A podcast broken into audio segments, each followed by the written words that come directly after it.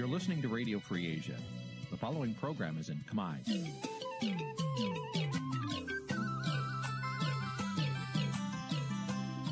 នេះជាកម្មវិធីផ្សាយ Vuthu Azizi Serai នេះជាកម្មវិធីផ្សាយរបស់ Vuthu Azizi Serai ជាភាសាខ្មែរ Vuthu Azizi Serai សូមស្វាគមន៍លោកអ្នកនាងទាំងអស់ពីរដ្ឋធានី Washington នៃសហរដ្ឋអាមេរិក បាទពីរដ្ឋធានីវ៉ាស៊ីនតោនខ្ញុំបាទសេកបណ្ឌិតសូមជម្រាបសួរអស់លោកអ្នកនាងកញ្ញាទាំងអស់ជាទីមេត្រីបាទយើងខ្ញុំសូមជូនកម្មវិធីផ្សាយសម្រាប់ព្រះត្រីថ្ងៃប្រហោះពីកើតខែមិញឆ្នាំឆ្លូវត្រីស័កពុរសករាជ2565ត្រូវនៅថ្ងៃទី3ខែកុម្ភៈគ្រិស្តសករាជ2022បាទជាដំបូងនេះសូមអញ្ជើញអស់លោកអ្នកនាងស្ដាប់ព័ត៌មានប្រចាំថ្ងៃដែលមានមេតិការដូចតទៅ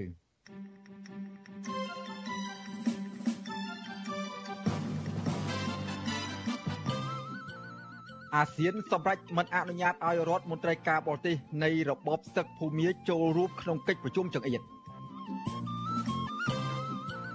អ្នកខ្លាំមើលរិះគន់រឿងលោកហ៊ុនម៉ាណែតទទួលជំនួយពីអ្នកជំនួយចិននាំឲ្យប៉ះពាល់ឯករាជ្យរបស់កងទ័ព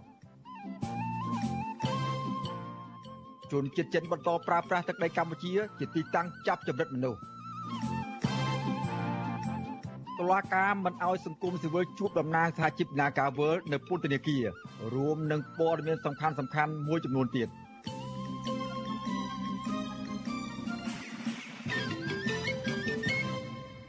បាទជាបន្តទៅទៀតនេះខ្ញុំបាទសេកបណ្ឌិតសូមជូនព័ត៌មានពិស្ដា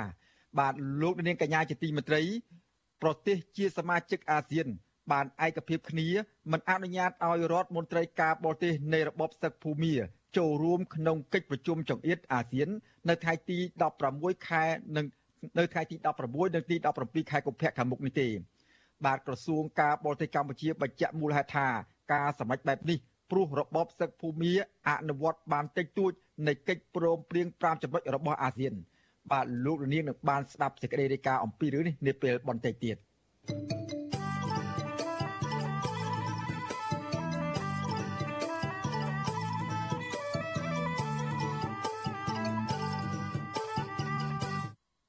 បាទលោកនាងកញ្ញាជាទីមេត្រីពាក់ព័ន្ធនឹងសំណុំរឿងរបស់គណៈបកប្រឆាំងវិញបាទមន្ត្រីគណៈបកប្រឆាំងនិងមន្ត្រីសង្គមស៊ីវិលផ្នែកតម្លាភាពលើកឡើងថាអគ្គមេបញ្ជាការរងនៃកងយុទ្ធពលខេមរៈភូមិន្ទលោកហ៊ុនម៉ាណែតគួរតែប្រុងប្រយ័ត្នអំពីការយកជំនួយឧបត្ថម្ភផ្សេងផ្សេងពីក្រមអ្នកជំនួញព្រោះអាចនាំឲ្យមានទំនាស់ផលប្រយោជន៍ឬប៉ះពាល់ដល់ឯករាជ្យភាពរបស់ស្ថាប័នកងទ័ពបាទក្តីបារម្ភនេះ ធ្វើឡើងបន្ទាប់ពីលោកហ៊ុនម៉ាណែតនៅថ្ងៃនេះបានទទួលយកជំនួយទាំងថវិកានិងសម្ភារៈផ្សេងផ្សេងពីក្រមពីក្រមសប្បុរសជនជនជាតិបរទេសដែលភាគច្រើនជាជនជាតិចិនបាទលោកនាងក៏នឹងបានស្ដាប់សេចក្តីរាយការណ៍អំពីរឿងនេះនាពេលបន្តិចទៀតដែរ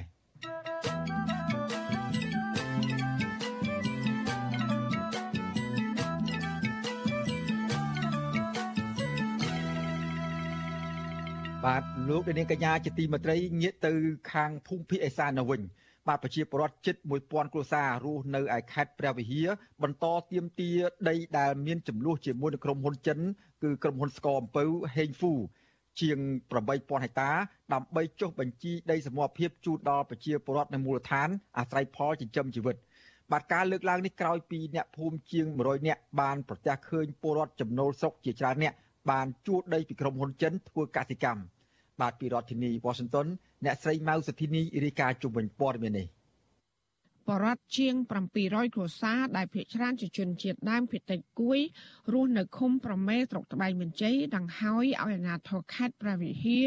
ផ្ដល់ដីកំពុងមានចំនួនទំហំជាង8000ហិកតាជាមួយក្រុមហ៊ុនចិនហេងហ្វូប្រកល់ជូនប្រជាប្រដ្ឋដើម្បីចុះបញ្ជីដីសមូហភាពមកអាស្រ័យផលបែបប្រពៃណីជនជាតិដើមភាគតិចគួយ។ អ្នកភូមិអះអាងថាក្រុមហ៊ុនចិន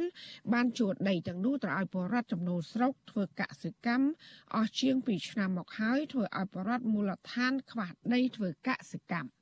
អនុប្រធានសហគមន៍ជនជាដើមភាគតិចគួយភូមិប្រមេ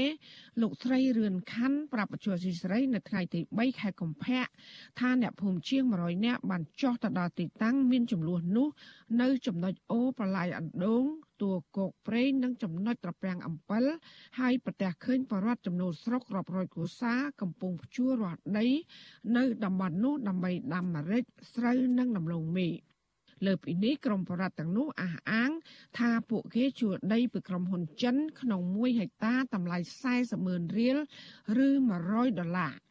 លោកស្រីបន្ថែមថាបច្ចុប្បន្នបរដ្ឋជាច្រើនគូសាកំពុងប្រឈមខ្វះដីធ្វើកសិកម្មដោយសារតែក្រុមហ៊ុនចិនរំលោភយកទាំងស្រុងជាង10ឆ្នាំមកហើយ។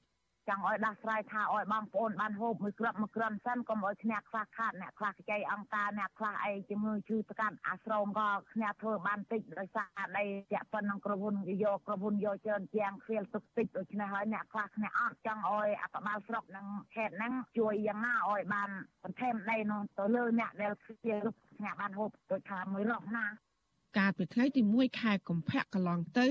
អ្នកភូមិជាង100នាក់បានជិះគោយន្តនិងម៉ូតូធ្វើដំណើរទៅតំបន់ដីដែលមានចំនួននោះស្ថិតនៅចំណុចទួលគោកព្រៃនិងចំណុចត្រពាំងអំពិលហើយប្រទះឃើញបរដ្ឋចំណូលស្រុកជាច្រើនអ្នកកំពុងភ្ជួររាស់ដីដើម្បីធ្វើកសិកម្មអ្នកភ្ជួរដីបានប្រាប់អ្នកភូមិថាពួកគាត់បានជួលដីនេះពីក្រុមហ៊ុនចិនហើយបើចង់ទាមទារដីទាំងនេះគឺត្រូវជជែកជាមួយនឹងក្រុមហ៊ុនចិន។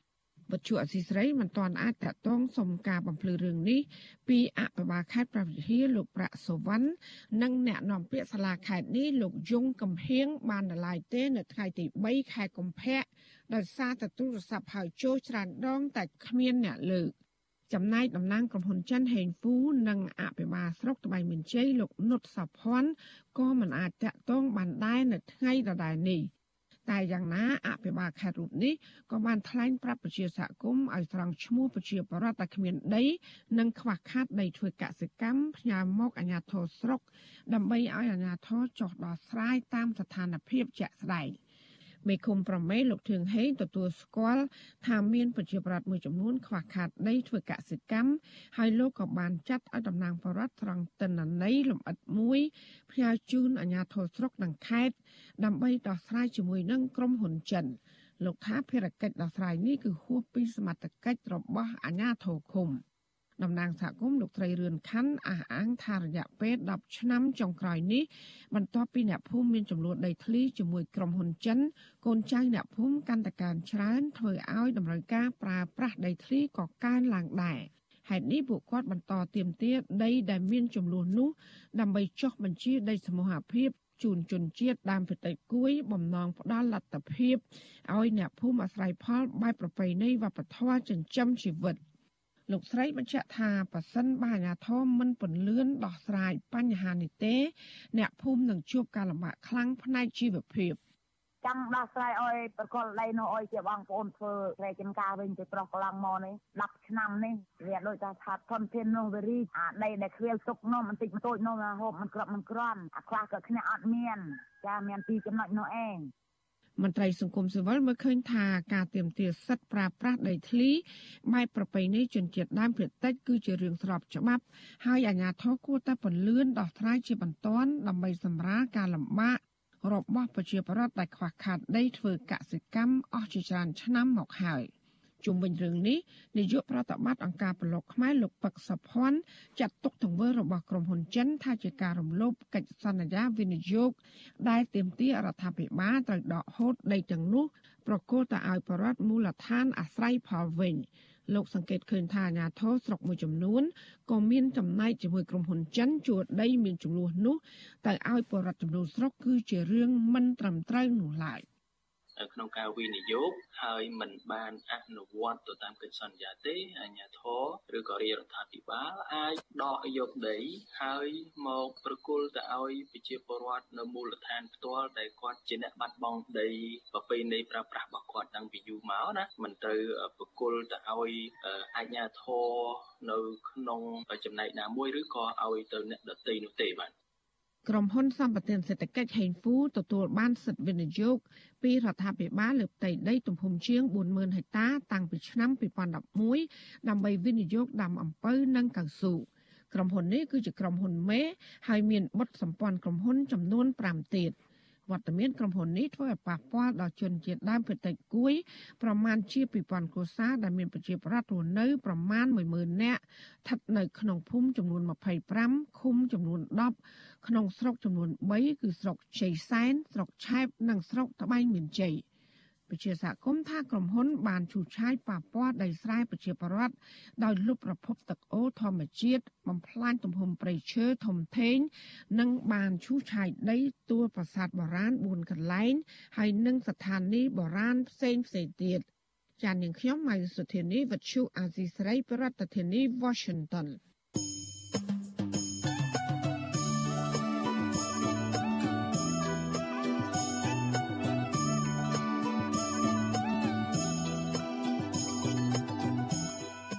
បាទលោកនាងកញ្ញាជាទីមេត្រីលោកនាងកំពុងតាមដានស្ដាប់ការផ្សាយរបស់វិទ្យុអាស៊ីសេរីពីរដ្ឋធានី Washington សហរដ្ឋអាមេរិកបាទកម្មវិធីផ្សាយរបស់វិទ្យុអាស៊ីសេរីក្រៅពីផ្សាយតាមបណ្ដាញសង្គម Facebook និង YouTube នោះលោកនាងក៏អាចស្ដាប់កម្មវិធីផ្សាយរបស់យើង ដំណើរគ្នាតាមរយៈរលក ធាតុអាកាសខ្លីឬ Shortwave ពេលព្រឹកចាប់ពីម៉ោង5កន្លះដល់ម៉ោង6កន្លះតាមរយៈរលកធាតុអាកាសខ្លី9390 kHz ស្មើនឹងកម្ពស់ 32m និង11850 kHz ស្មើនឹងកម្ពស់ 25m បាទនៅពេលយប់ចាប់ពីម៉ោង7កន្លះដល់ម៉ោង8កន្លះតាមរយៈរលកធាតុអាកាសខ្លី9390 kHz ស្មើនឹងកម្ពស់ 32m និង15155 kHz ស្មើនឹងកម្ពស់ 20m បាទសូមអរគុណបាទលោកនាងកញ្ញាជាទីមេត្រីពាក់ព័ន្ធនឹងសំណុំរឿងរបស់គណៈបកប្រឆាំងវិញ បាទមន្ត្រីគណៈបកប្រឆាំងនិងមន្ត្រីសង្គមស៊ីវិលផ្នែកតម្លាភាពលើកឡើងថាអគ្គមេបញ្ជាការរងនៃកងយុទ្ធពលខេមរៈភូមិន្ទលោកហ៊ុនម៉ាណែតគួរតែប្រុងប្រយ័ត្នអំពីការយកជំនួយឧបត្ថម្ភផ្សេងផ្សេងពីក្រមអ្នកជំនួញព្រោះថាអាចនាំឲ្យមានទំនាស់ផលប្រយោជន៍ឬប៉ះពាល់ដល់ឯករាជ្យភាពរបស់ស្ថាប័នកងទ័ពបាទក្តីបារម្ភនេះធ្វើឡើងបន្ទាប់ពីលោកហ៊ុនម៉ាណែតនៅថ្ងៃនេះ បានទទួលយកជំនួយទាំងថវិកានិងសម្ភារៈផ្សេងផ្សេងពីក្រមសពរដ្ឋជន ដែលភ ieck ច្រើនជាជនជាតិចិន បាទពីរដ្ឋធានីវ៉ាស៊ីនតោនលោកមិរិតរាយការណ៍ជុំវិញព័ត៌មាននេះបន្ទាប់ពីកូនប្រុសច្បងរបស់លោកនាយរដ្ឋមន្ត្រីហ៊ុនសែនគឺលោកហ៊ុនម៉ាណែតក្លាយជាបេក្ខជននាយរដ្ឋមន្ត្រីបន្តវេនមក ក្រុមអ្នកជំនួញជាច្រើនរួមមានទាំងអ្នកជំនួញជនជាតិចិនផង បានចាប់ផ្ដើមកាន់កញ្ចប់លុយនិងជំនួយផ្សេងផ្សេងជូនដល់លោកជាបន្តបន្ទាប់ដើម្បីបង្កើតទំនាក់ទំនងឬចងសម្ព័ន្ធភាពជាមួយគ្នាទោះយ៉ាងណាមន្ត្រីជាន់ខ្ពស់បពប្រឆាំងនិងមន្ត្រីអង្គការសង្គមស៊ីវិលយល់ថាលោកហ៊ុនម៉ាណែតគួរតែព្យាយាមមិនប៉ះពាល់ជំនួយពីក្រុមឈ្មួញរកស៊ីជាពិសេសជនជាតិចិនព្រោះអ្នកជំនួញទាំងនោះតែងតែចង់បានផលតបស្នងមកវិញ។ អតីតតំណាងរាស្ត្ររបស់គណៈបកសង្គ្រោះជាតិលោកអ៊ុំសំអានថ្លែងថាប៉ះសិនបើអ្នកជំនួញផ្ដល់ជំនួយដល់ស្ថាប័នកងទ័ពដោយសុទ្ធចិត្តគឺគ្មានអ្វីខុសទាស់នោះទេក៏ប៉ុន្តែលោកបារម្ភថាអ្នកជំនួញជនជាតិចិនផ្ដល់ជំនួយនៅក្នុងបំណងហុតទឹកសម្លឹងការដើម្បីឲ្យស្ថាប័នកងទ័ពកម្ពុជាក្រោមការដឹកនាំរបស់លោកហ៊ុនម៉ាណែតជួយការពារដល់ក្រុមហ៊ុនឬមុខជំនួញមិនត្រឹមត្រូវរបស់ពួកគេ លោកជឿថានៅពេលដែលលោកហ៊ុនម៉ាណែតទទួលយកជំនួយពីអ្នកជំនួញជនជាតិចិនបែបនេះប្រកាសជាលោកផ្ដល់ផលប្រយោជន៍តបស្នងវិញដែរ ដែលបង្កឲ្យមានទំនាស់ផលប្រយោជន៍ធំធេងហើយប៉ះពាល់ដល់ប្រយោជន៍ជាតិនិងប្រជាពលរដ្ឋដើម្បីឲ្យកងទ័ពនឹងការពារក្រុមហ៊ុនរបស់ចិនដែលរស់ស៊ីនៅកម្ពុជានឹងក្រុមហ៊ុនមួយចំនួនរស់ស៊ីខុសច្បាប់នាំយកគ្រឿងញៀនខុសច្បាប់មកចូលស្រុកខ្មែរក្រុមហ៊ុនមួយចំនួនទៀតរឹបអូសយកដីប្រជាពលរដ្ឋហើយប្រើកងទ័ពដើម្បីការពារដីក្រុមហ៊ុនរបស់ចិនដើម្បីរកស៊ីរ៉ែខុសច្បាប់ទទួលបានដីសម្បត្តិនឹងហើយកាប់បំផ្លាញព្រៃឈើដីសម្បត្តិនឹងហើយកាប់ដីបំផ្លាញព្រៃឈើជុំវិញដីសម្បត្តិចិត្តៗនឹងខុសច្បាប់ហើយដឹកយកឈើរបស់កម្ពុជានិងរ៉ែរបស់កម្ពុជាទៅប្រទេសចិនវិញអញ្ចឹងគេជួយខាងកងទ័ពកម្ពុជាដើម្បីយកអត្តពលឲ្យកងទ័ពនោះជួយការពារក្រុមហ៊ុនរបស់គេហ្នឹងមន្ត្រីជាន់ខ្ពស់គណៈបពប្រឆាំងរូបនេះមើលឃើញថាលោកហ៊ុនម៉ាណែតក៏កំពុងដើរតាមគន្លងឪពុករបស់លោកដែរគឺការពឹងផ្អែកលើជំនួយ និងកម្ចីរបស់រដ្ឋាភិបាលចិន និងក្រុមអ្នកជំនួញជនជាតិចិន ដើម្បីពង្រឹងនិងការពារអំណាចរបស់ខ្លួន ការបញ្ចេញប្រតិកម្មបែបនេះគឺបន្ទាប់ពីពេលថ្មីៗនេះលោកហ៊ុនម៉ាណែតក្នុងតួនាទីជាអគ្គមេបញ្ជាការរងនៃកងយោធពលខេមរៈភូមិន្ទនិងជាមេបញ្ជាការកងទ័ពជើងគោកបានទទួលជួបសំណេះសំណាលនិងទទួលយកជំនួយឧបត្ថម្ភផ្សេងៗពីក្រមសប្បុរសជនជាច្រើន ដែលភាគច្រើនគឺជាជនជាតិចិន នៅឯទីបញ្ជាការដ្ឋានកងទ័ពជើងគោកស្ថិតនៅក្នុងខណ្ឌកំពូលរាជធានីភ្នំពេញកាសែតក្នុងស្រុកចុះផ្សាយនៅថ្ងៃទី2ខែកុម្ភៈថា នៅក្នុងជំនុំនោះក៏មានការចូលរួមពីទីប្រឹក្សាពាណិជ្ជកម្មនិងសេដ្ឋកិច្ចនៃស្ថានទូតចិនប្រចាំកម្ពុជា និងសមាគមអ្នកវិនិយោគចិននៅកម្ពុជាផងដែរក្នុងពិធីនោះលោកហ៊ុនម៉ាណែតដែលពាក់ឯកសន្តានជាកងទ័ព បានថ្លែងអំណរគុណចំពោះសប្បុរសជនទាំងនោះដែលបានចូលរួមចំណែកឧបត្ថម្ភថវិកា និងបរិខាប្រយុទ្ធប្រឆាំងនឹងជំងឺ Covid-19 ដល់កងទ័ពជើងគោកនិងសមាគមគ្រូពេទ្យស្ម័គ្រចិត្តយុវជនសម្ដេចតេជោដែលដឹកនាំដោយភរិយារបស់លោកគឺអ្នកស្រីពេជ្រច័ន្ទមនីទោះជាយ៉ាងណាលោកមិនបានបញ្ជាក់អំពីទំហំថវិកាទាំងនោះនោះទេទាក់ទងនឹងករណីនេះអ្នកនាំពាក្យកងទ័ពជើងគោក លោកម៉ៅផល្លាឆ្លើយតបថាលោកមិនបានដឹងរឿងនេះឡើយដោយលោកអះអាងថាលោកហ៊ុនម៉ាណែតជួបជាមួយសប្បុរសជននៅខាងស្ថាប័នស៊ីវិលមិនមែននៅខាងស្ថាប័នកងទ័ពនោះទេអូរឿងហ្នឹងគឺនិយាយរួមគឺខ្ញុំមិនអាចជូនព័ត៌មាននេះបានដោយសារជំនាញរបស់ខ្ញុំខ្ញុំក្រាបបានតែពីរឿងការងារយោធាទេហើយដល់រឿងជំនួយរឿងអីនេះគឺខ្ញុំក្រាបអត់បានដល់ចឹងខ្ញុំអត់ហ៊ាននិយាយសុំទោសខ្ញុំអត់ដឹងផងរបស់ខ្ញុំមិនដែលដឹងតែគាត់ជួបនៅកន្លែងណាផង បច្ចុប្បន្ននេះឧក្រិដ្ឋជនជាជនជាតិចិនមួយចំនួនដែលបានរត់គេចពីការតាមចាប់ខ្លួនរបស់ប៉ូលីសចិន បានរួចផុតពីការជាប់គុកនិងកំពុងកសាងអាណាចក្រចំនួនដ៏ធំសម្បើមនៅកម្ពុជាដោយសារតែពួកគេបានកសាងសម្ព័ន្ធភាព និងផ្ដល់ជំនួយដល់ក្រមមន្ត្រីក្រាក់ក្រាក់នៃរដ្ឋាភិបាលលោកហ៊ុនសែនកាលពីឆ្នាំ2019ក្រសួងរដ្ឋាភិបាលអាមេរិកបានប្រើប្រាស់ច្បាប់ Global Magnitsky Act ដាក់ទណ្ឌកម្មបង្កកទ្រព្យសម្បត្តិអនុប្រធានទី1នៃគណៈកម្មាធិការជាតិគ្រប់គ្រងគ្រោះមហន្តរាយលោកគុនគឹមនិងសមាជិកគ្រួសារ3នាក់ទៀតក្រសួងរដ្ឋាភិបាលអាមេរិករកឃើញថាលោកគុនគឹមដែលជានាយឧត្តមសេនីយ៍ជាន់ខ្ពស់នៃកងយោធពលខេមរៈភូមិន្ទ បានទទួលផលប្រយោជន៍ហិរញ្ញវត្ថុយ៉ាងសម្បើមពីទំនាក់ទំនងជាមួយក្រុមហ៊ុនគ្រប់គ្រងដោយរដ្ឋអំណាចនៃប្រទេសចិនឈ្មោះ Union Development Group ឬហៅកាត់ថា UDG ហើយលោកក៏បានប្រើប្រាស់ទីហ៊ាននៃកងយោធពលខេមរៈភូមិន្ទដើម្បីបំផិតបំភ័យរឹបអូសឬឆ្កាដីតាមការចង់បានរបស់ក្រុមហ៊ុនចិន ក្រោយមកទៀតក្រសួងរដ្ឋាភិបាលអាមេរិកក៏បានដាក់ទណ្ឌកម្មលើក្រុមហ៊ុនគ្រប់គ្រងដោយរដ្ឋអំណាចចិននេះដោយសារតែក្រុមហ៊ុនមួយនេះបានច្បាមយកដីធ្លីពីប្រជាកសិករខ្មែរករណីរំលោភបំពានសិទ្ធិមនុស្សធ្ងន់ធ្ងរនិងអំពើពុករលួយនៅកម្ពុជាប្រធានអង្គការដំឡាភិបកម្ពុជា លោកពេជ្រពិសីលើកឡើងថាការជួបគ្នានឹងការទទួលយកអំណោយឬជំនួយមូលនិធិផ្សេងផ្សេងរវាងថ្នាក់ដឹកនាំរដ្ឋាភិបាលនិងដៃគូផ្សេងផ្សេងទាំងវិស័យឯកជនក្តី ប៉ះសិនបើធ្វើឡើងដោយដំណាភាពនិងកណន័យភាពព្រមទាំងប្រើប្រាស់ជំនួយទាំងនោះដោយត្រឹមត្រូវគឺគ្មានបញ្ហាអ្វីនោះទេទោះជាយ៉ាងណាលោកបារម្ភថាអ្នកជំនួយមួយចំនួន ដែលផ្ដល់ជំនួយ អាចមានគោលបំណងចង់បានផលតបស្នងមកវិញលោកពេជ្រពិសីជំរុញឲ្យមន្ត្រីសាធារណៈត្រូវគិតគូរឲ្យបានស៊ីជម្រៅនិងប្រុងប្រយ័ត្ននៅក្នុងការទទួលយកជំនួយនានា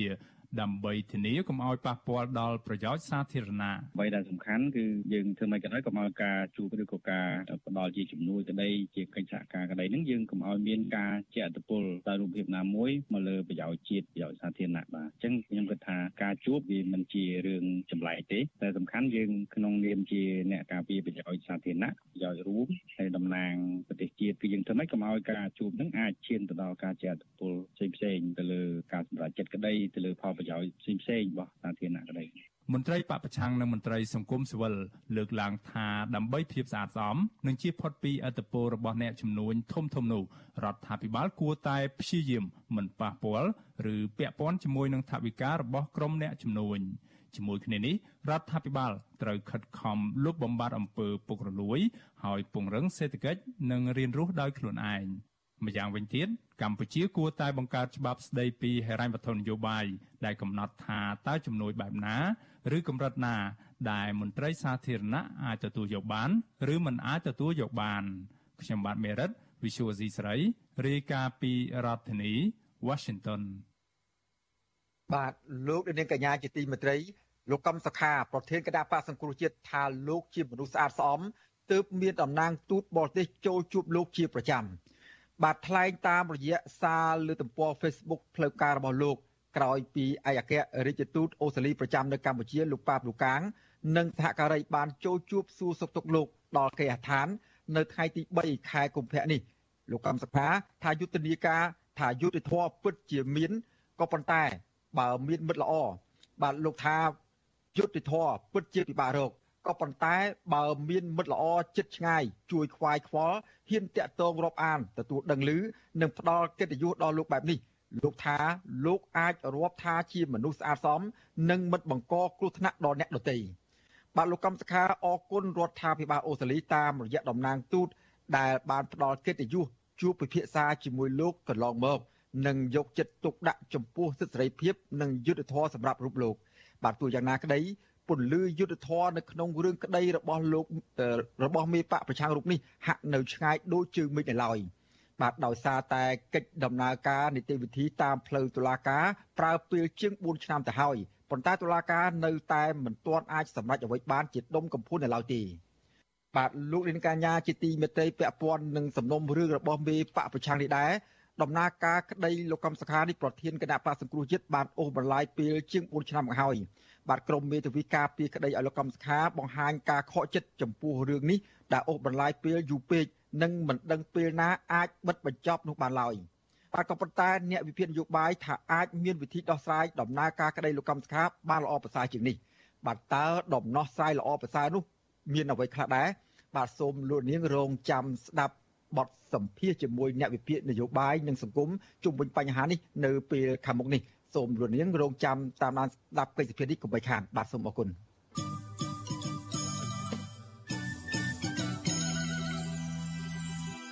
បាទលោកនាងកញ្ញាជាទីមេត្រីប្រទេសជាសមាជិកអាស៊ានបានឯកភាពគ្នាមិនអនុញ្ញាតឲ្យរដ្ឋមន្ត្រីការបរទេសនៃរបបសឹកភូមាចូលរួមនៅក្នុងកិច្ចប្រជុំចង្អៀតអាស៊ាននៅថ្ងៃទី16និងថ្ងៃទី17កុម្ភៈខាងមុខនេះបានទេ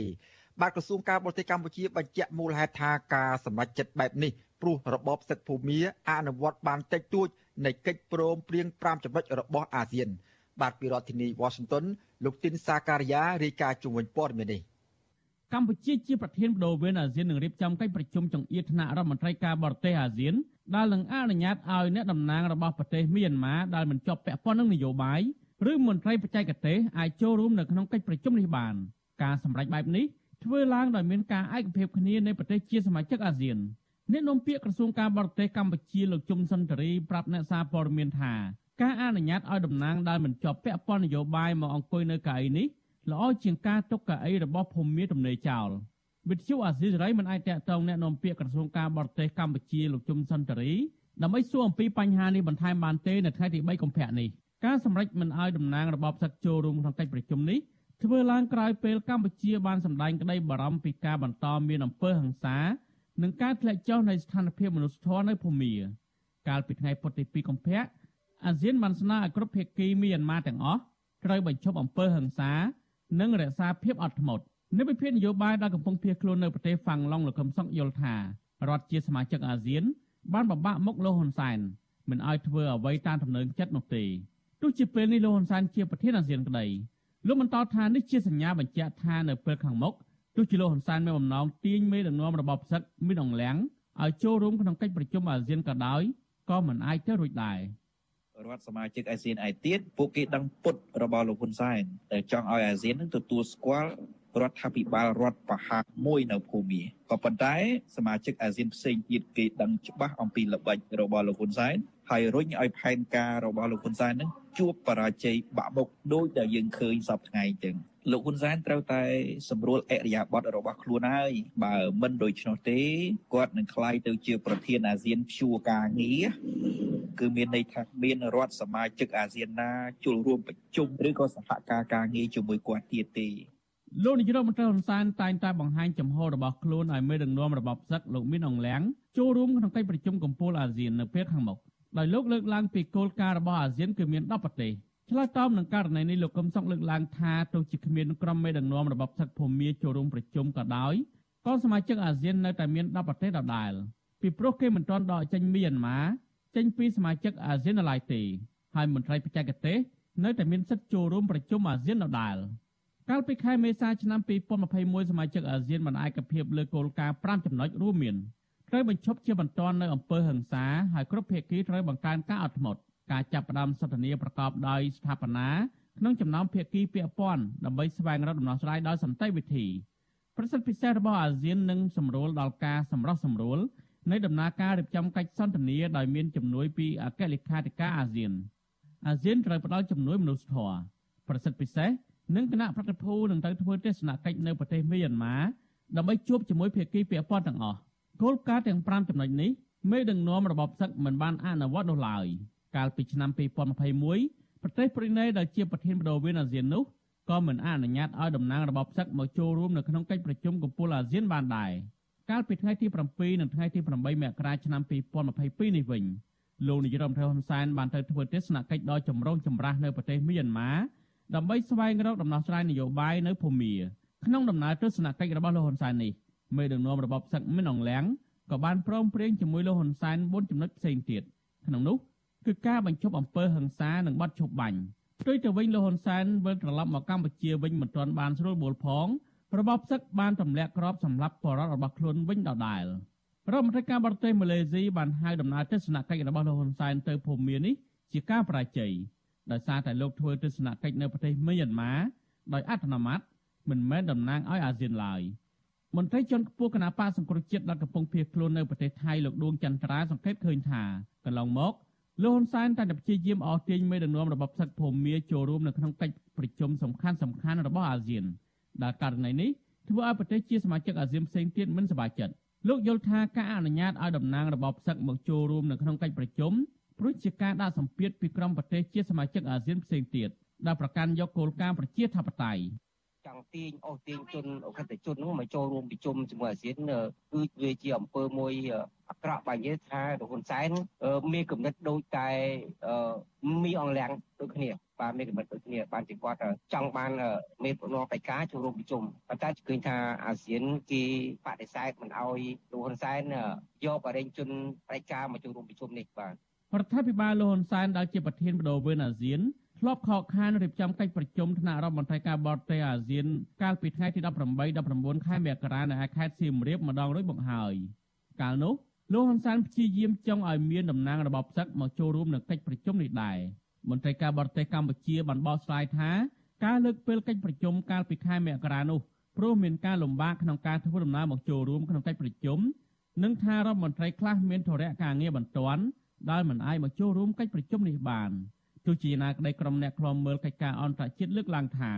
ការលើកហេតុផលរបស់កម្ពុជានេះមិនសមរម្យនោះឡើយបញ្ហានេះរដ្ឋមន្ត្រីការបរទេសម៉ាឡេស៊ីលោកសៃពុទីនអាប់តុលឡោះលើកឡើងថា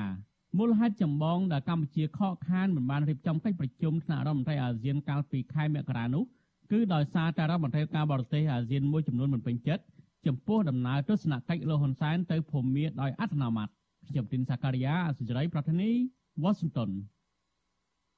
បាទលោកនាងកញ្ញាជាទីមេត្រីពាក់ព័ន្ធនឹងសេចក្តីរាយការណ៍របស់លោកទីនសាការីយ៉ានេះដែរ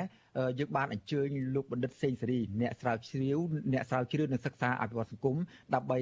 អញ្ជើញលោកមកបង្ហាញអំពី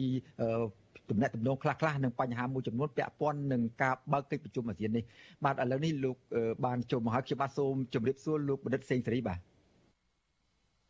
អញ្ជើញសួរបាទ បាទលោកបណ្ឌិតដូចបានស្ដាប់សេចក្តីរាយការណ៍របស់លោកទីនសាការីយ៉ាមុននេះអញ្ចឹងថា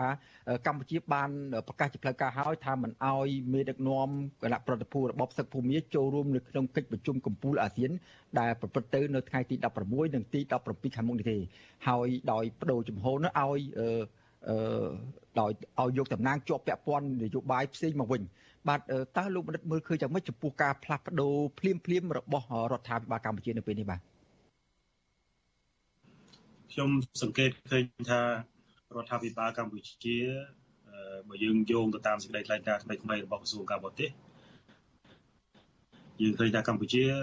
លែងចាត់ទុកបញ្ហាវិបត្តិនៅភូមិហ្នឹងជាបញ្ហាអតិភិបហើយដោយសារតែនៅពេលដែលកម្ពុជា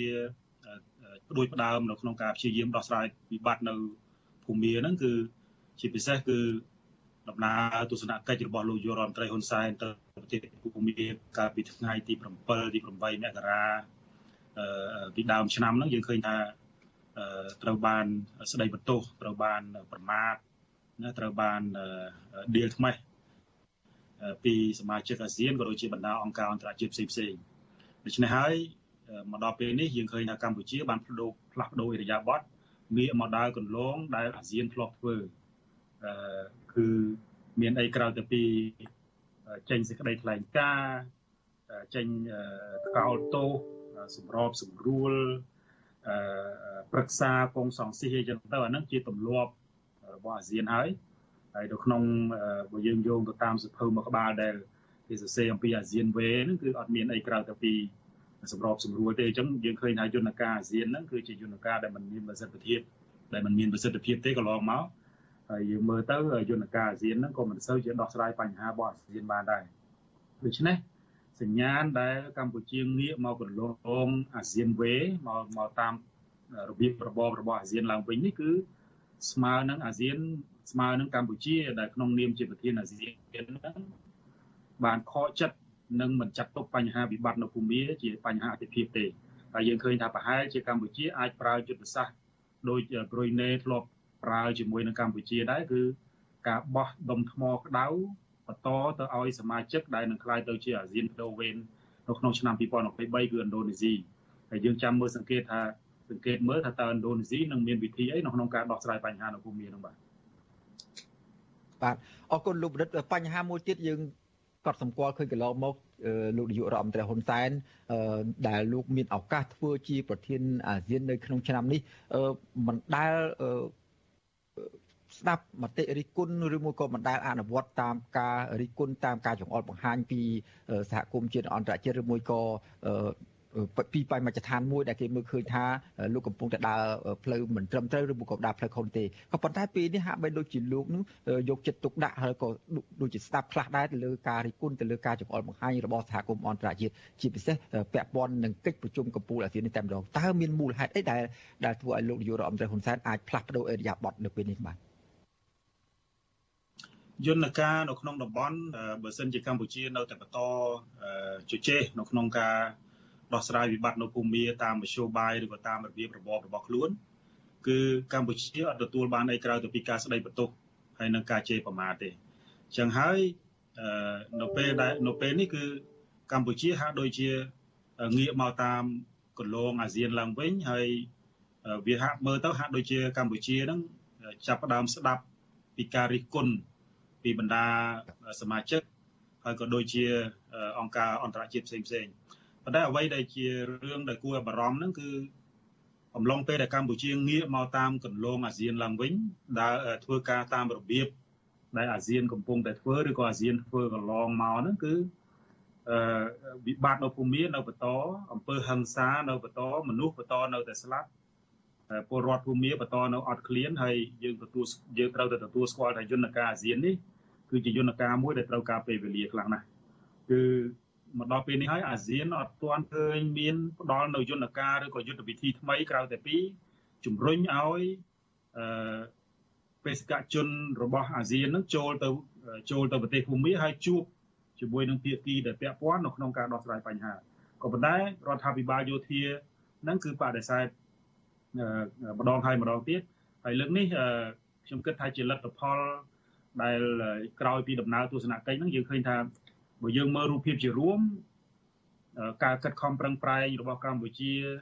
នៅក្នុងការដោះស្រាយវិបត្តិភូមិហ្នឹងគឺជាការបរាជ័យក៏ប៉ុន្តែក៏មានលទ្ធផលខ្លះដែរគឺយ៉ាងហោចណាស់ក៏រដ្ឋាភិបាលភូមិហ្នឹងរដ្ឋាភិបាលយោធាភូមិហ្នឹងអនុញ្ញាតឲ្យបេសកជនរបស់អាស៊ានដែលជាដែលជារដ្ឋមន្ត្រីក្រសួងការបរទេសកម្ពុជាដោយសារកម្ពុជាជាប្រធាននឹងចូលទៅនៅក្នុងការជជែក ជាមួយនឹងភាគីពាក់ព័ន្ធខ្លះយ៉ាងហើយយ៉ាងហើយណាក៏វាជាការបោះជំហានមួយដែរប៉ុន្តែខ្ញុំមើលថាដំណើរនេះគឺជា ដំណើរវែងឆ្ងាយហើយវិបត្តិកាន់តែធ្ងន់ធ្ងរហើយមកដល់ពេលនេះយើងអត់មានឃើញយន្តការអីថ្មីក្រៅតែពីកោលទោសក្រៅតែពីចេញសេចក្តីថ្លែងការណ៍ទេបាទ បាទចំណុចមួយទៀតពាក់ព័ន្ធនឹងការទម្លាក់ចោលនៅមានភាពរឿងរូបភាពមានះរបស់លោកនាយករដ្ឋមន្ត្រីហ៊ុនសែននៅពេលនេះទំនងអាចមកពី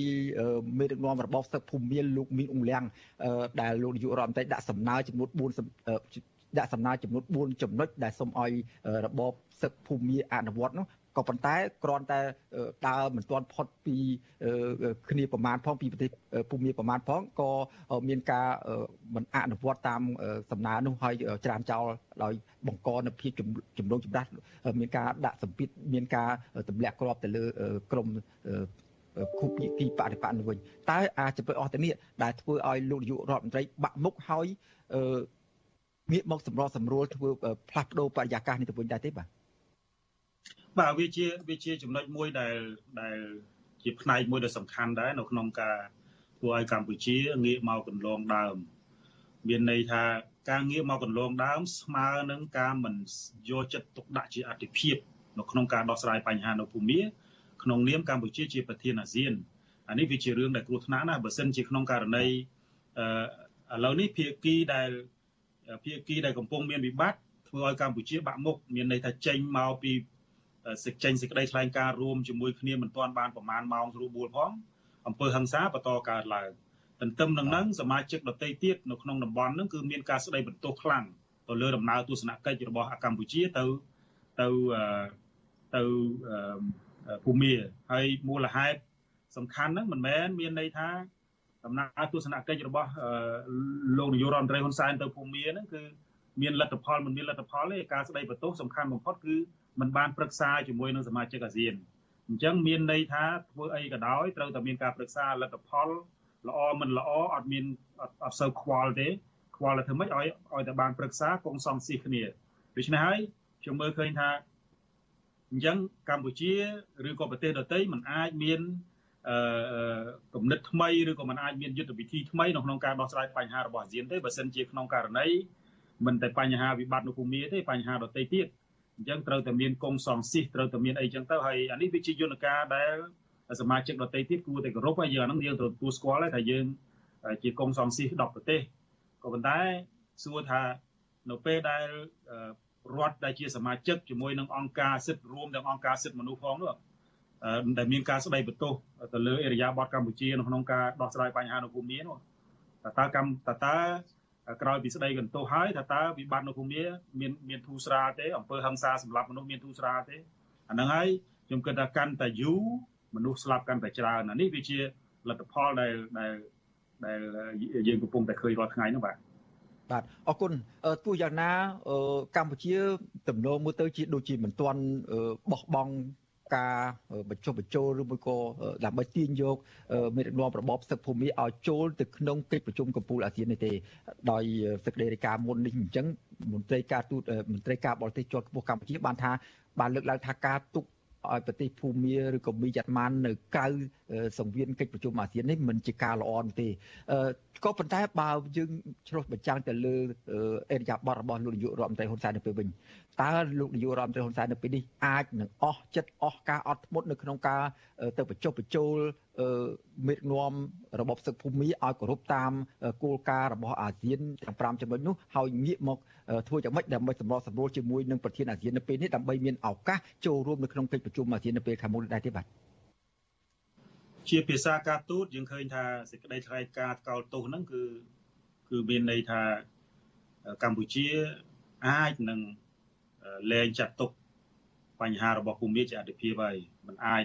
มันអាចយើងទៅធ្វើសេចក្តីថ្លែងការណ៍ឲ្យចំចំទេប៉ុន្តែភាសាការទូតគឺអាចប្រើប៉ុណ្ណឹងទី1ទី2អឺលោកនាយករដ្ឋមន្ត្រីបានធ្លាប់ថ្លែងហើយថាភូមិមិនអាចយកអាស៊ានមកធ្វើជាចំណាប់ខ្មាំងទេហើយក៏មិនអាចយកកម្ពុជាមកធ្វើជាចំណាប់ខ្មាំងដែរដូច្នេះ អឺបើយើងនិយាយបើសិនជាយើងពិចារណាទៅលើបរិយាកាសជុំវិញហ្នឹងកម្ពុជាអត់ទទួលបានផលប្រយោជន៍អឺសូម្បីតែផលប្រយោជន៍សេដ្ឋកិច្ចកត្តាភូមិសាស្ត្រឲ្យជាដើមនោះគឺកម្ពុជាអត់ទទួលបានផលប្រយោជន៍ពីភូមិទេប៉ុន្តែ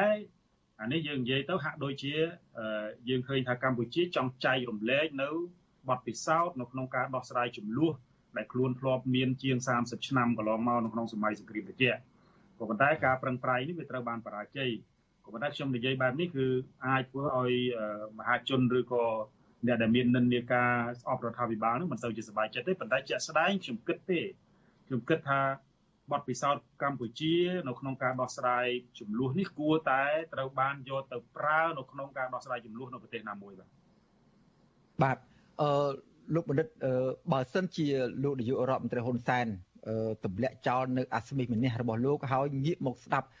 មតិយោបល់ស្ដាប់ការរិះគន់ស្ដាប់ការផ្ដល់មតិយោបល់ទៅដល់ប្រទេសកម្ពុជាហើយជាពិសេសផ្ដល់ទៅដល់ប្រធានអាស៊ានដែលមានលោកនាយករដ្ឋមន្ត្រីហ៊ុនសែននេះតើកម្ពុជាឬមួយក៏កម្ពុជាផ្ទាល់ឬមួយក៏លោកនាយករដ្ឋមន្ត្រីហ៊ុនសែនក្នុងនាមជាប្រធានអាស៊ាននឹងទទួលបានផលប្រយោជន៍អ្វីទាំងការអភិវឌ្ឍទាំងមុខមាត់របស់កម្ពុជាទាំងក្នុងនាមជាប្រធានអាស៊ានបដូវវេននៅក្នុងឆ្នាំនេះផងនោះបាទ បាទខ្ញុំមើលថាឥឡូវនេះកម្ពុជាចាប់ផ្ដើមងាកមកចូលកន្លងឬរបៀបអាស៊ានហើយចឹងហើយយើងឃើញថាការរិះគន់ហ្នឹងក៏ថយដែរចឹងហើយយើងឃើញថាឃើញកម្ពុជានឹងចាប់ផ្ដើមកុងសង្ស៊ីចាប់ផ្ដើមពិព្រឹក្សាជាមួយនឹងសមាជិកដតីហើយរបៀបក្នុងការធ្វើការហ្នឹងគឺចាប់យករបៀបធ្វើការដោយតែអាស៊ានកន្លងមកធ្លាប់ធ្វើក៏ប៉ុន្តែទោះបីយ៉ាងណាក៏ដោយបើយើងមើលថាតើមានផលប្រយោជន៍នៅកម្ពុជា ដូចខ្ញុំលើកឡើងអញ្ចឹងថា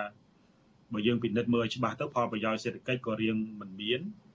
ផលប្រយោជន៍នយោបាយភូមិសាស្ត្រក៏មិនសូវជាសំខាន់អញ្ចឹងខ្ញុំបើសិនជាសម្រាប់ខ្ញុំខ្ញុំក៏បើសិនជាសម្រាប់ខ្ញុំខ្ញុំគិតថាការសម្រេចចិត្តរបស់កម្ពុជាត្រឹមត្រូវមិនគួរយកខ្លួនទៅប្រឡាក់ទេព្រោះអ្វីដែលខ្លួនប្រឹងប្រែងហ្នឹងអត់មានអីបានក្រៅតែពីការស្ដីបន្ទោសហើយនឹងការមិនគោរពពាក្យសន្យារបស់រដ្ឋាភិបាលយោធាភូមិទេអញ្ចឹង ការប្រឹងប្រែងរបស់កម្ពុជាក្នុងនាមជាប្រធានអាស៊ានវាអត់មានបានផលិតផលអីទេបាទបាទបាទសូមអរគុណលោកបណ្ឌិតសេងសេរីដែលបានចំណាយពេលវេលាដ៏មានតម្លៃផ្ដល់បទសម្ភាសន៍ជុំវិញការប្រជុំអាស៊ាននៅពេលខាងមុខនេះបាទសូមអរគុណសូមជម្រាបបាទអរគុណបាទជម្រាបលាបាទ បាទលោកនាងកញ្ញាជាទីមេត្រីលោកនាងកំពុងតាមដានស្ដាប់ការផ្សាយរបស់វិទ្យុអស៊ីសេរីពីរដ្ឋធានីវ៉ាស៊ីនតោនសហរដ្ឋអាមេរិកបាទពលករខ្មែរធ្វើការនៅប្រទេសថៃជាច្រើនអ្នកមានជីវភាពលំបាកក្រោយពេលដែលភ្លើងឆេះរោងចក្រដែលពួកគាត់ធ្វើការកាលពីខែធ្នូកន្លងទៅ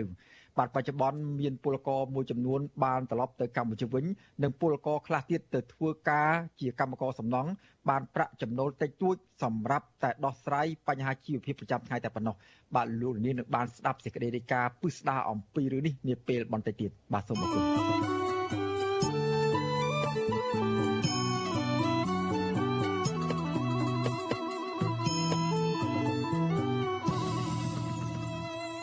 បាទឥឡូវនេះយើងងាកទៅមើលចំនួនវិបត្តិការងារនៅក្នុងបនលបែង Naga World ម្ដងបាទអង្គការសង្គមស៊ីវិលដែលធ្វើការងារផ្នែកសិទ្ធិមនុស្សនិងសិទ្ធិការងារចំនួន8ស្ថាប័នបានដាក់លិខិតស្នើសុំសាលាដំបងរាជធានីភ្នំពេញដើម្បីចូលជួបសួរសុខទុក្ខថ្នាក់ដឹកនាំ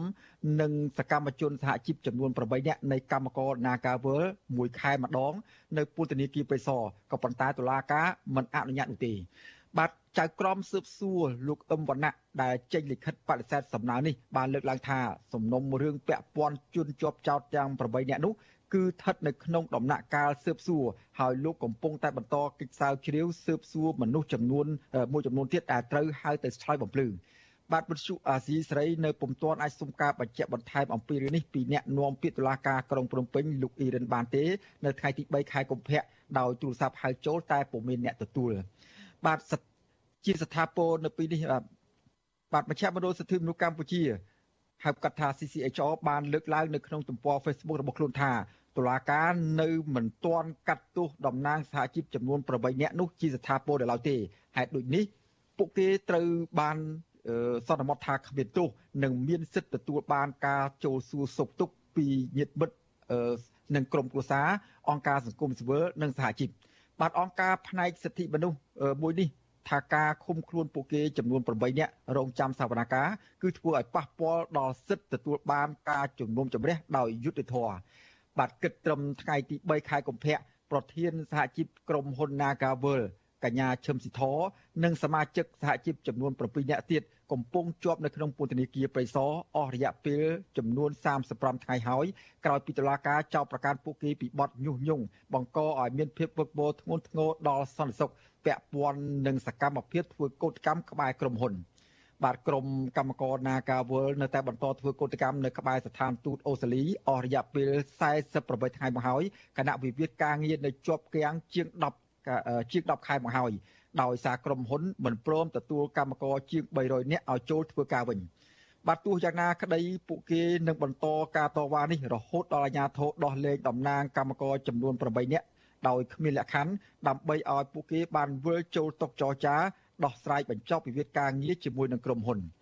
បាទស្ថានទូតអាល្លឺម៉ង់ប្រចាំនៅកម្ពុជាឲ្យដឹងតាមទំព័រ Facebook របស់ខ្លួនកាលពីថ្ងៃទី31មករាថាឯកអគ្គរដ្ឋទូតអាល្លឺម៉ង់លោក Christian Berger នឹងគាំបានគ្រប់គ្រងប្រសាសន៍លោកសខេងរដ្ឋមន្ត្រីក្រសួងមហាផ្ទៃដែលជំរុញឲ្យស្ថាប័នពាក់ព័ន្ធជាពិសេសក្រសួងកាងារនិងអាជ្ញាធររាជធានីភ្នំពេញ ពន្យាការដោះស្រាយបញ្ចប់វិវាទការងារនៅក្រុមហ៊ុន Nagavel ឲ្យបានឆាប់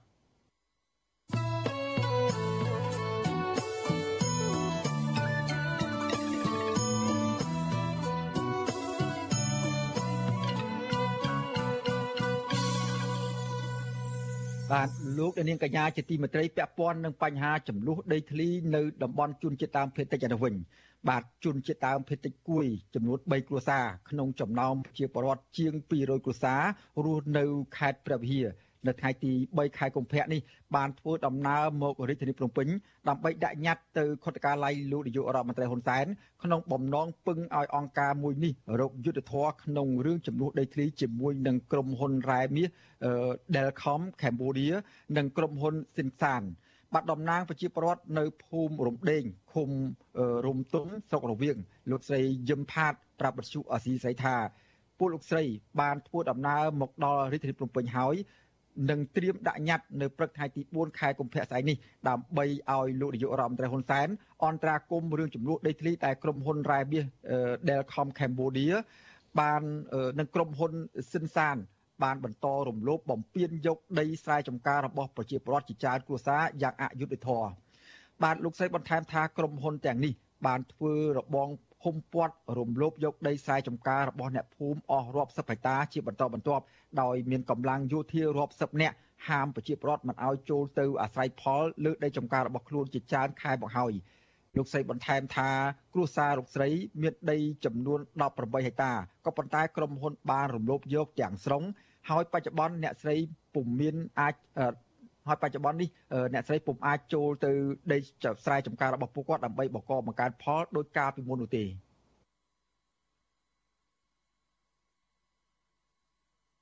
បាទលោកនាងកញ្ញាជាទីមេត្រីតំណាងប្រជាពលរដ្ឋបន្ថែមថា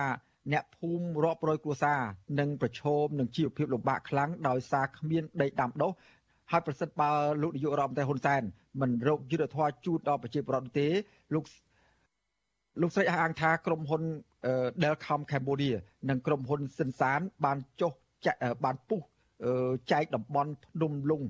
មួយខាងម្នាក់ដើម្បីធ្វើអាជីវកម្មរ៉ែមាសទ្រង់ទ្រាយធំប៉ះពាល់ដល់ដីស្រែចម្ការរបស់អ្នកភូមិកើនឡើងសរុបចំនួន230គ្រួសារហើយមកទល់នឹងពេលនេះបាទវិទ្យុអាស៊ីសេរីនៅពុំទាន់អាចតាក់ទងសុំការបំភ្លឺរឿងនេះពីអភិបាលខេត្តព្រះវិហារលោកប្រាក់សវណ្ណនិងអ្នកនាំពាក្យសាលាខេត្តនេះ លោកយងកំហៀងបាននៅឡើយទេនៅថ្ងៃទី3ខែកុម្ភៈដោយទូរស័ព្ទហៅចូលចាដល់តែគ្មានអ្នកទទួលចំណែកតំណាងក្រុមហ៊ុន Delcom Cambodia លោកសសេរីវិចិត្រនិងតំណាងក្រុមហ៊ុនហិនសិនសានក៏អាស៊ីសេរីមិនទាន់អាចតាក់ទងបានដែរបាទប្រជាសហគមន៍ឲ្យដឹងថាតំបន់ភ្នំលុងមានផ្ទៃដីជាង1200ហិកតា ដែលសម្បូរទៅដោយរ៉ែមាសនៅក្រោមដីនិងត្រូវបានក្រុមហ៊ុនឯកជនធំធំចំនួន3ពុះចែកគ្នាធ្វើអាជីវកម្មដោយ ដណ្ដើមយកផលប្រយោជន៍ឯកជនរៀងៗខ្លួនរីឯក្រុមហ៊ុនបានជួលក្រុមទាហានគម្រាមកំហែងអ្នកភូមិនិងរដ្ឋបិទអ្នកនៅខាងក្រៅមិនឲ្យចេញចូលទៅក្នុងតំបន់នោះឡើយបាទប្រជាពលរដ្ឋបានដឹងថាមានក្រុមហ៊ុនចិននិងក្រុមហ៊ុនវៀតណាមជាច្រើនទៀតបានជ្រកក្រោមស្លាកក្រុមហ៊ុនទាំងនេះនិងជួលអ្នកមានអំណាចកាងអាជីវកម្មរបស់ខ្លួនពីក្រោយបាទទន្ទឹមនេះតំបន់នោះ មានទាហាននៅឈរចាំផ្លូវដើម្បីយាមឃាត់ប្រជាពលរដ្ឋមិនឲ្យអ្នកសារព័ត៌មានមិនចូលទៅដល់តំបន់នោះដើម្បីយកព័ត៌មាននិងសម្ភារប្រជាពលរដ្ឋអំពីការធ្វើអាជីវកម្មនៅក្នុងតំបន់នោះឡើយបាទ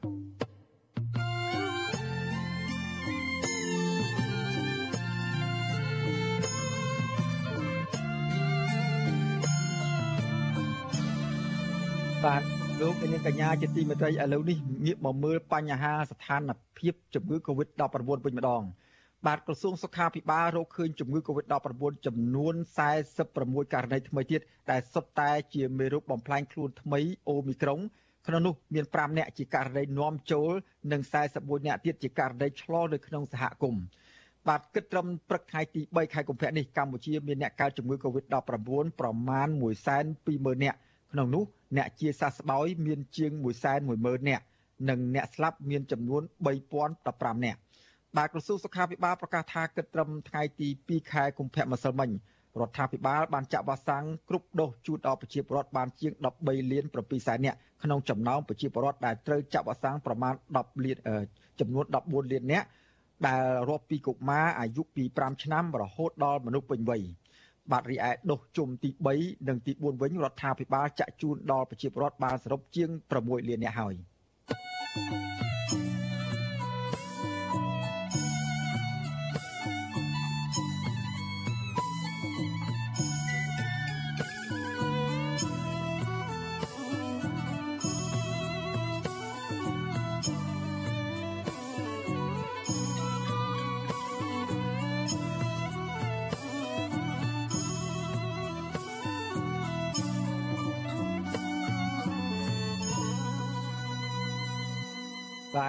បាទលោកនាងកញ្ញាជាទីមេត្រីឥឡូវនេះយើងក៏លេចទៅមើលស្ថានភាពពលករខ្មែរនៅក្នុងប្រទេសថៃឯនោះវិញ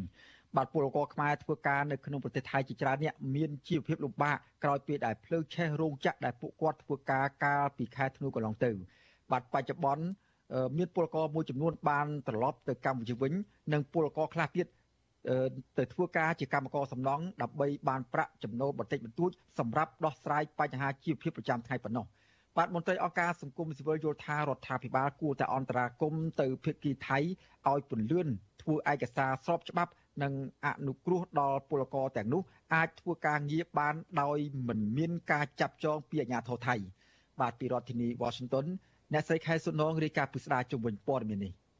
ពលករខ្មែរធ្វើការក្នុងរោងចក្រក្រដាសនៅខេត្តឈុនបុរីជាប់ទីក្រុងបាងកកស្នើសុំឲ្យរដ្ឋាភិបាលខ្មែរនិងអាជ្ញាធរពាក់ព័ន្ធជួយសម្រួលឲ្យពួកគាត់បានធ្វើការងារស្របច្បាប់នៅប្រទេសថៃក្រោយពេលដែលរោងចក្ររបស់ពួកគាត់ធ្វើការនោះត្រូវភ្លើងឆេះកាលពីថ្ងៃទី26ខែធ្នូឆ្នាំ2021កន្លងទៅ ការស្នើនេះ ដោយសារតែពលករភៀកច្រើនបានបាត់បង់ឯកសារក្រោយពីភ្លើងឆេះរោងចក្រហើយថៅកែរោងចក្រដែលជាជនជាតិចិនមិនបានផ្ដល់សំណងជូនពួកគាត់នៅឡើយពលករមួយរូបមានស្រុកកំណើតនៅខេត្តបន្ទាយមានជ័យថ្លែងសុំមិនបញ្ចេញឈ្មោះថាចាប់តាំងពីភ្លើងឆេះរោងចក្រនៅកន្លែងធ្វើការរបស់លោកស្រីមក គ្រួសារគាត់បានរកប្រាក់ស្ទើរតែមិនគ្រប់សម្រាប់ដោះស្រាយជីវភាពប្រចាំថ្ងៃនោះទេ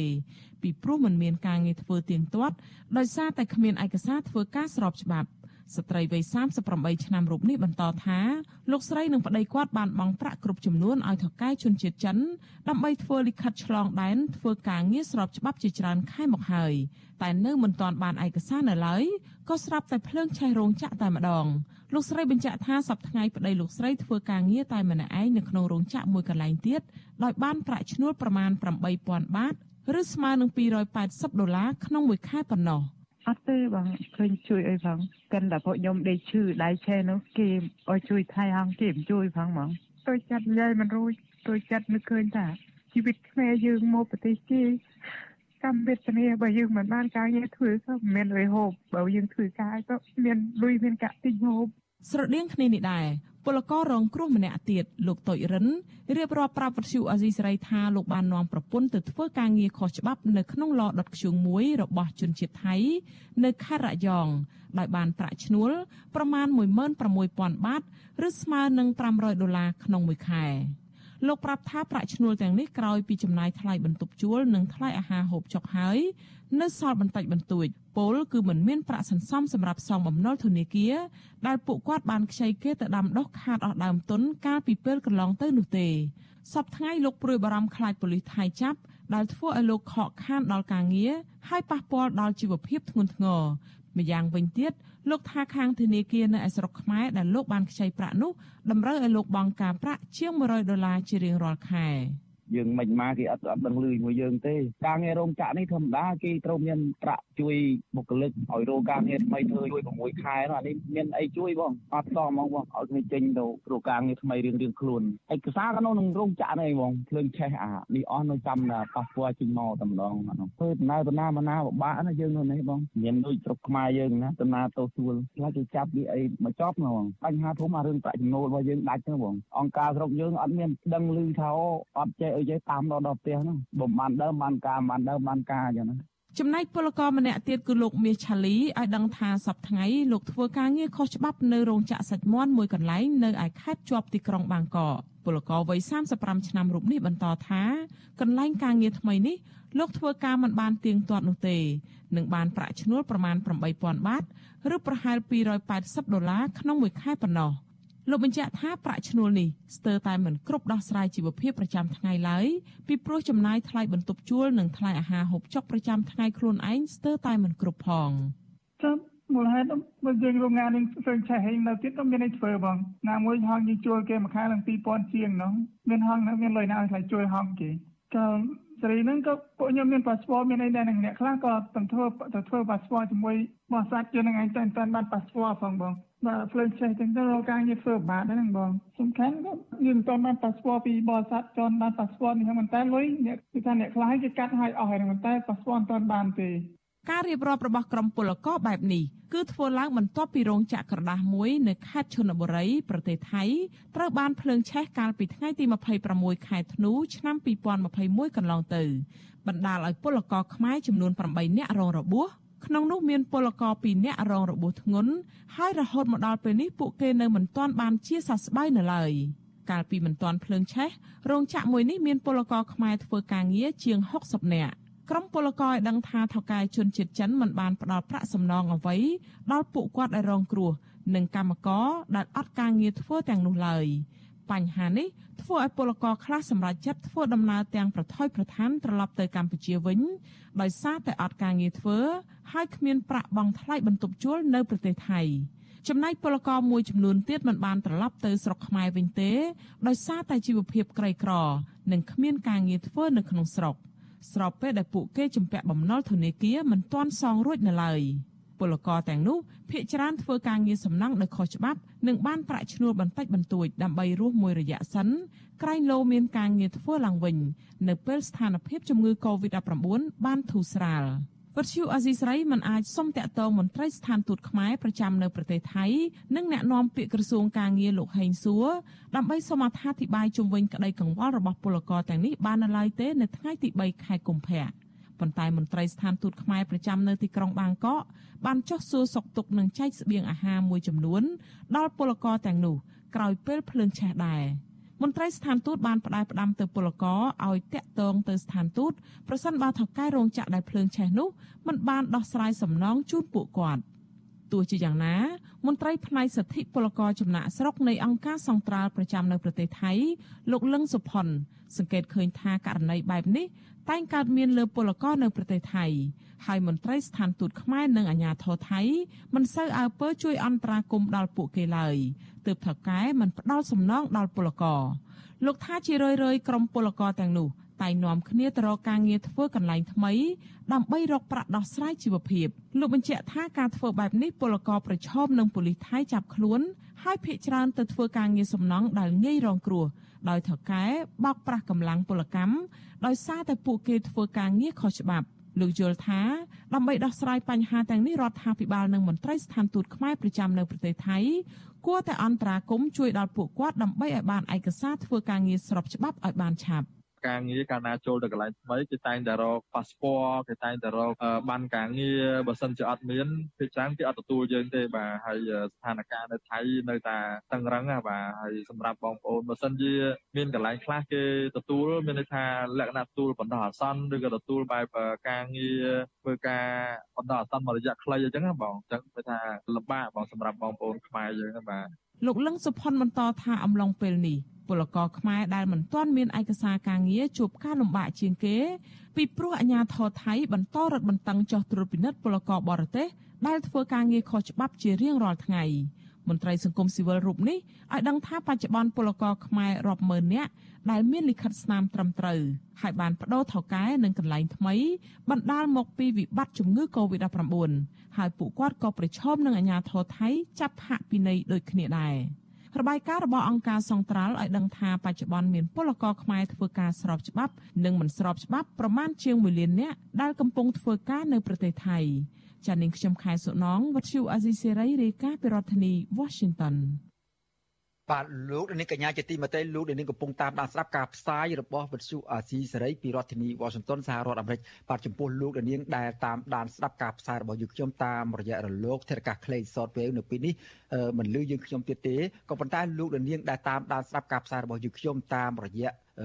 YouTube និង Facebook នៅបន្តជាមួយយើងខ្ញុំរយៈពេលកន្លះម៉ោងបន្តទៀតបាទនៅក្នុងការផ្សាយជាបន្តនេះយើងមានកិច្ចសភាជាមួយនឹងអ្នកវិភាគសង្គមពាក់ព័ន្ធនឹងយុទ្ធនាការតស៊ូមតិទាមទាររកយុទ្ធធរក្រៅប្រព័ន្ធតុលាការក្នុងករណីលោកកម្មសខា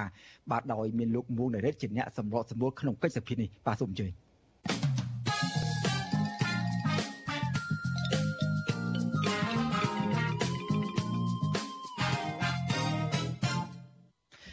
បាទជំរាបសួរលោកនាងកញ្ញាទាំងអស់ពីរដ្ឋធានី Washington ខ្ញុំបាទមួងនារីតនៅថ្ងៃនេះនឹងរៀបចំ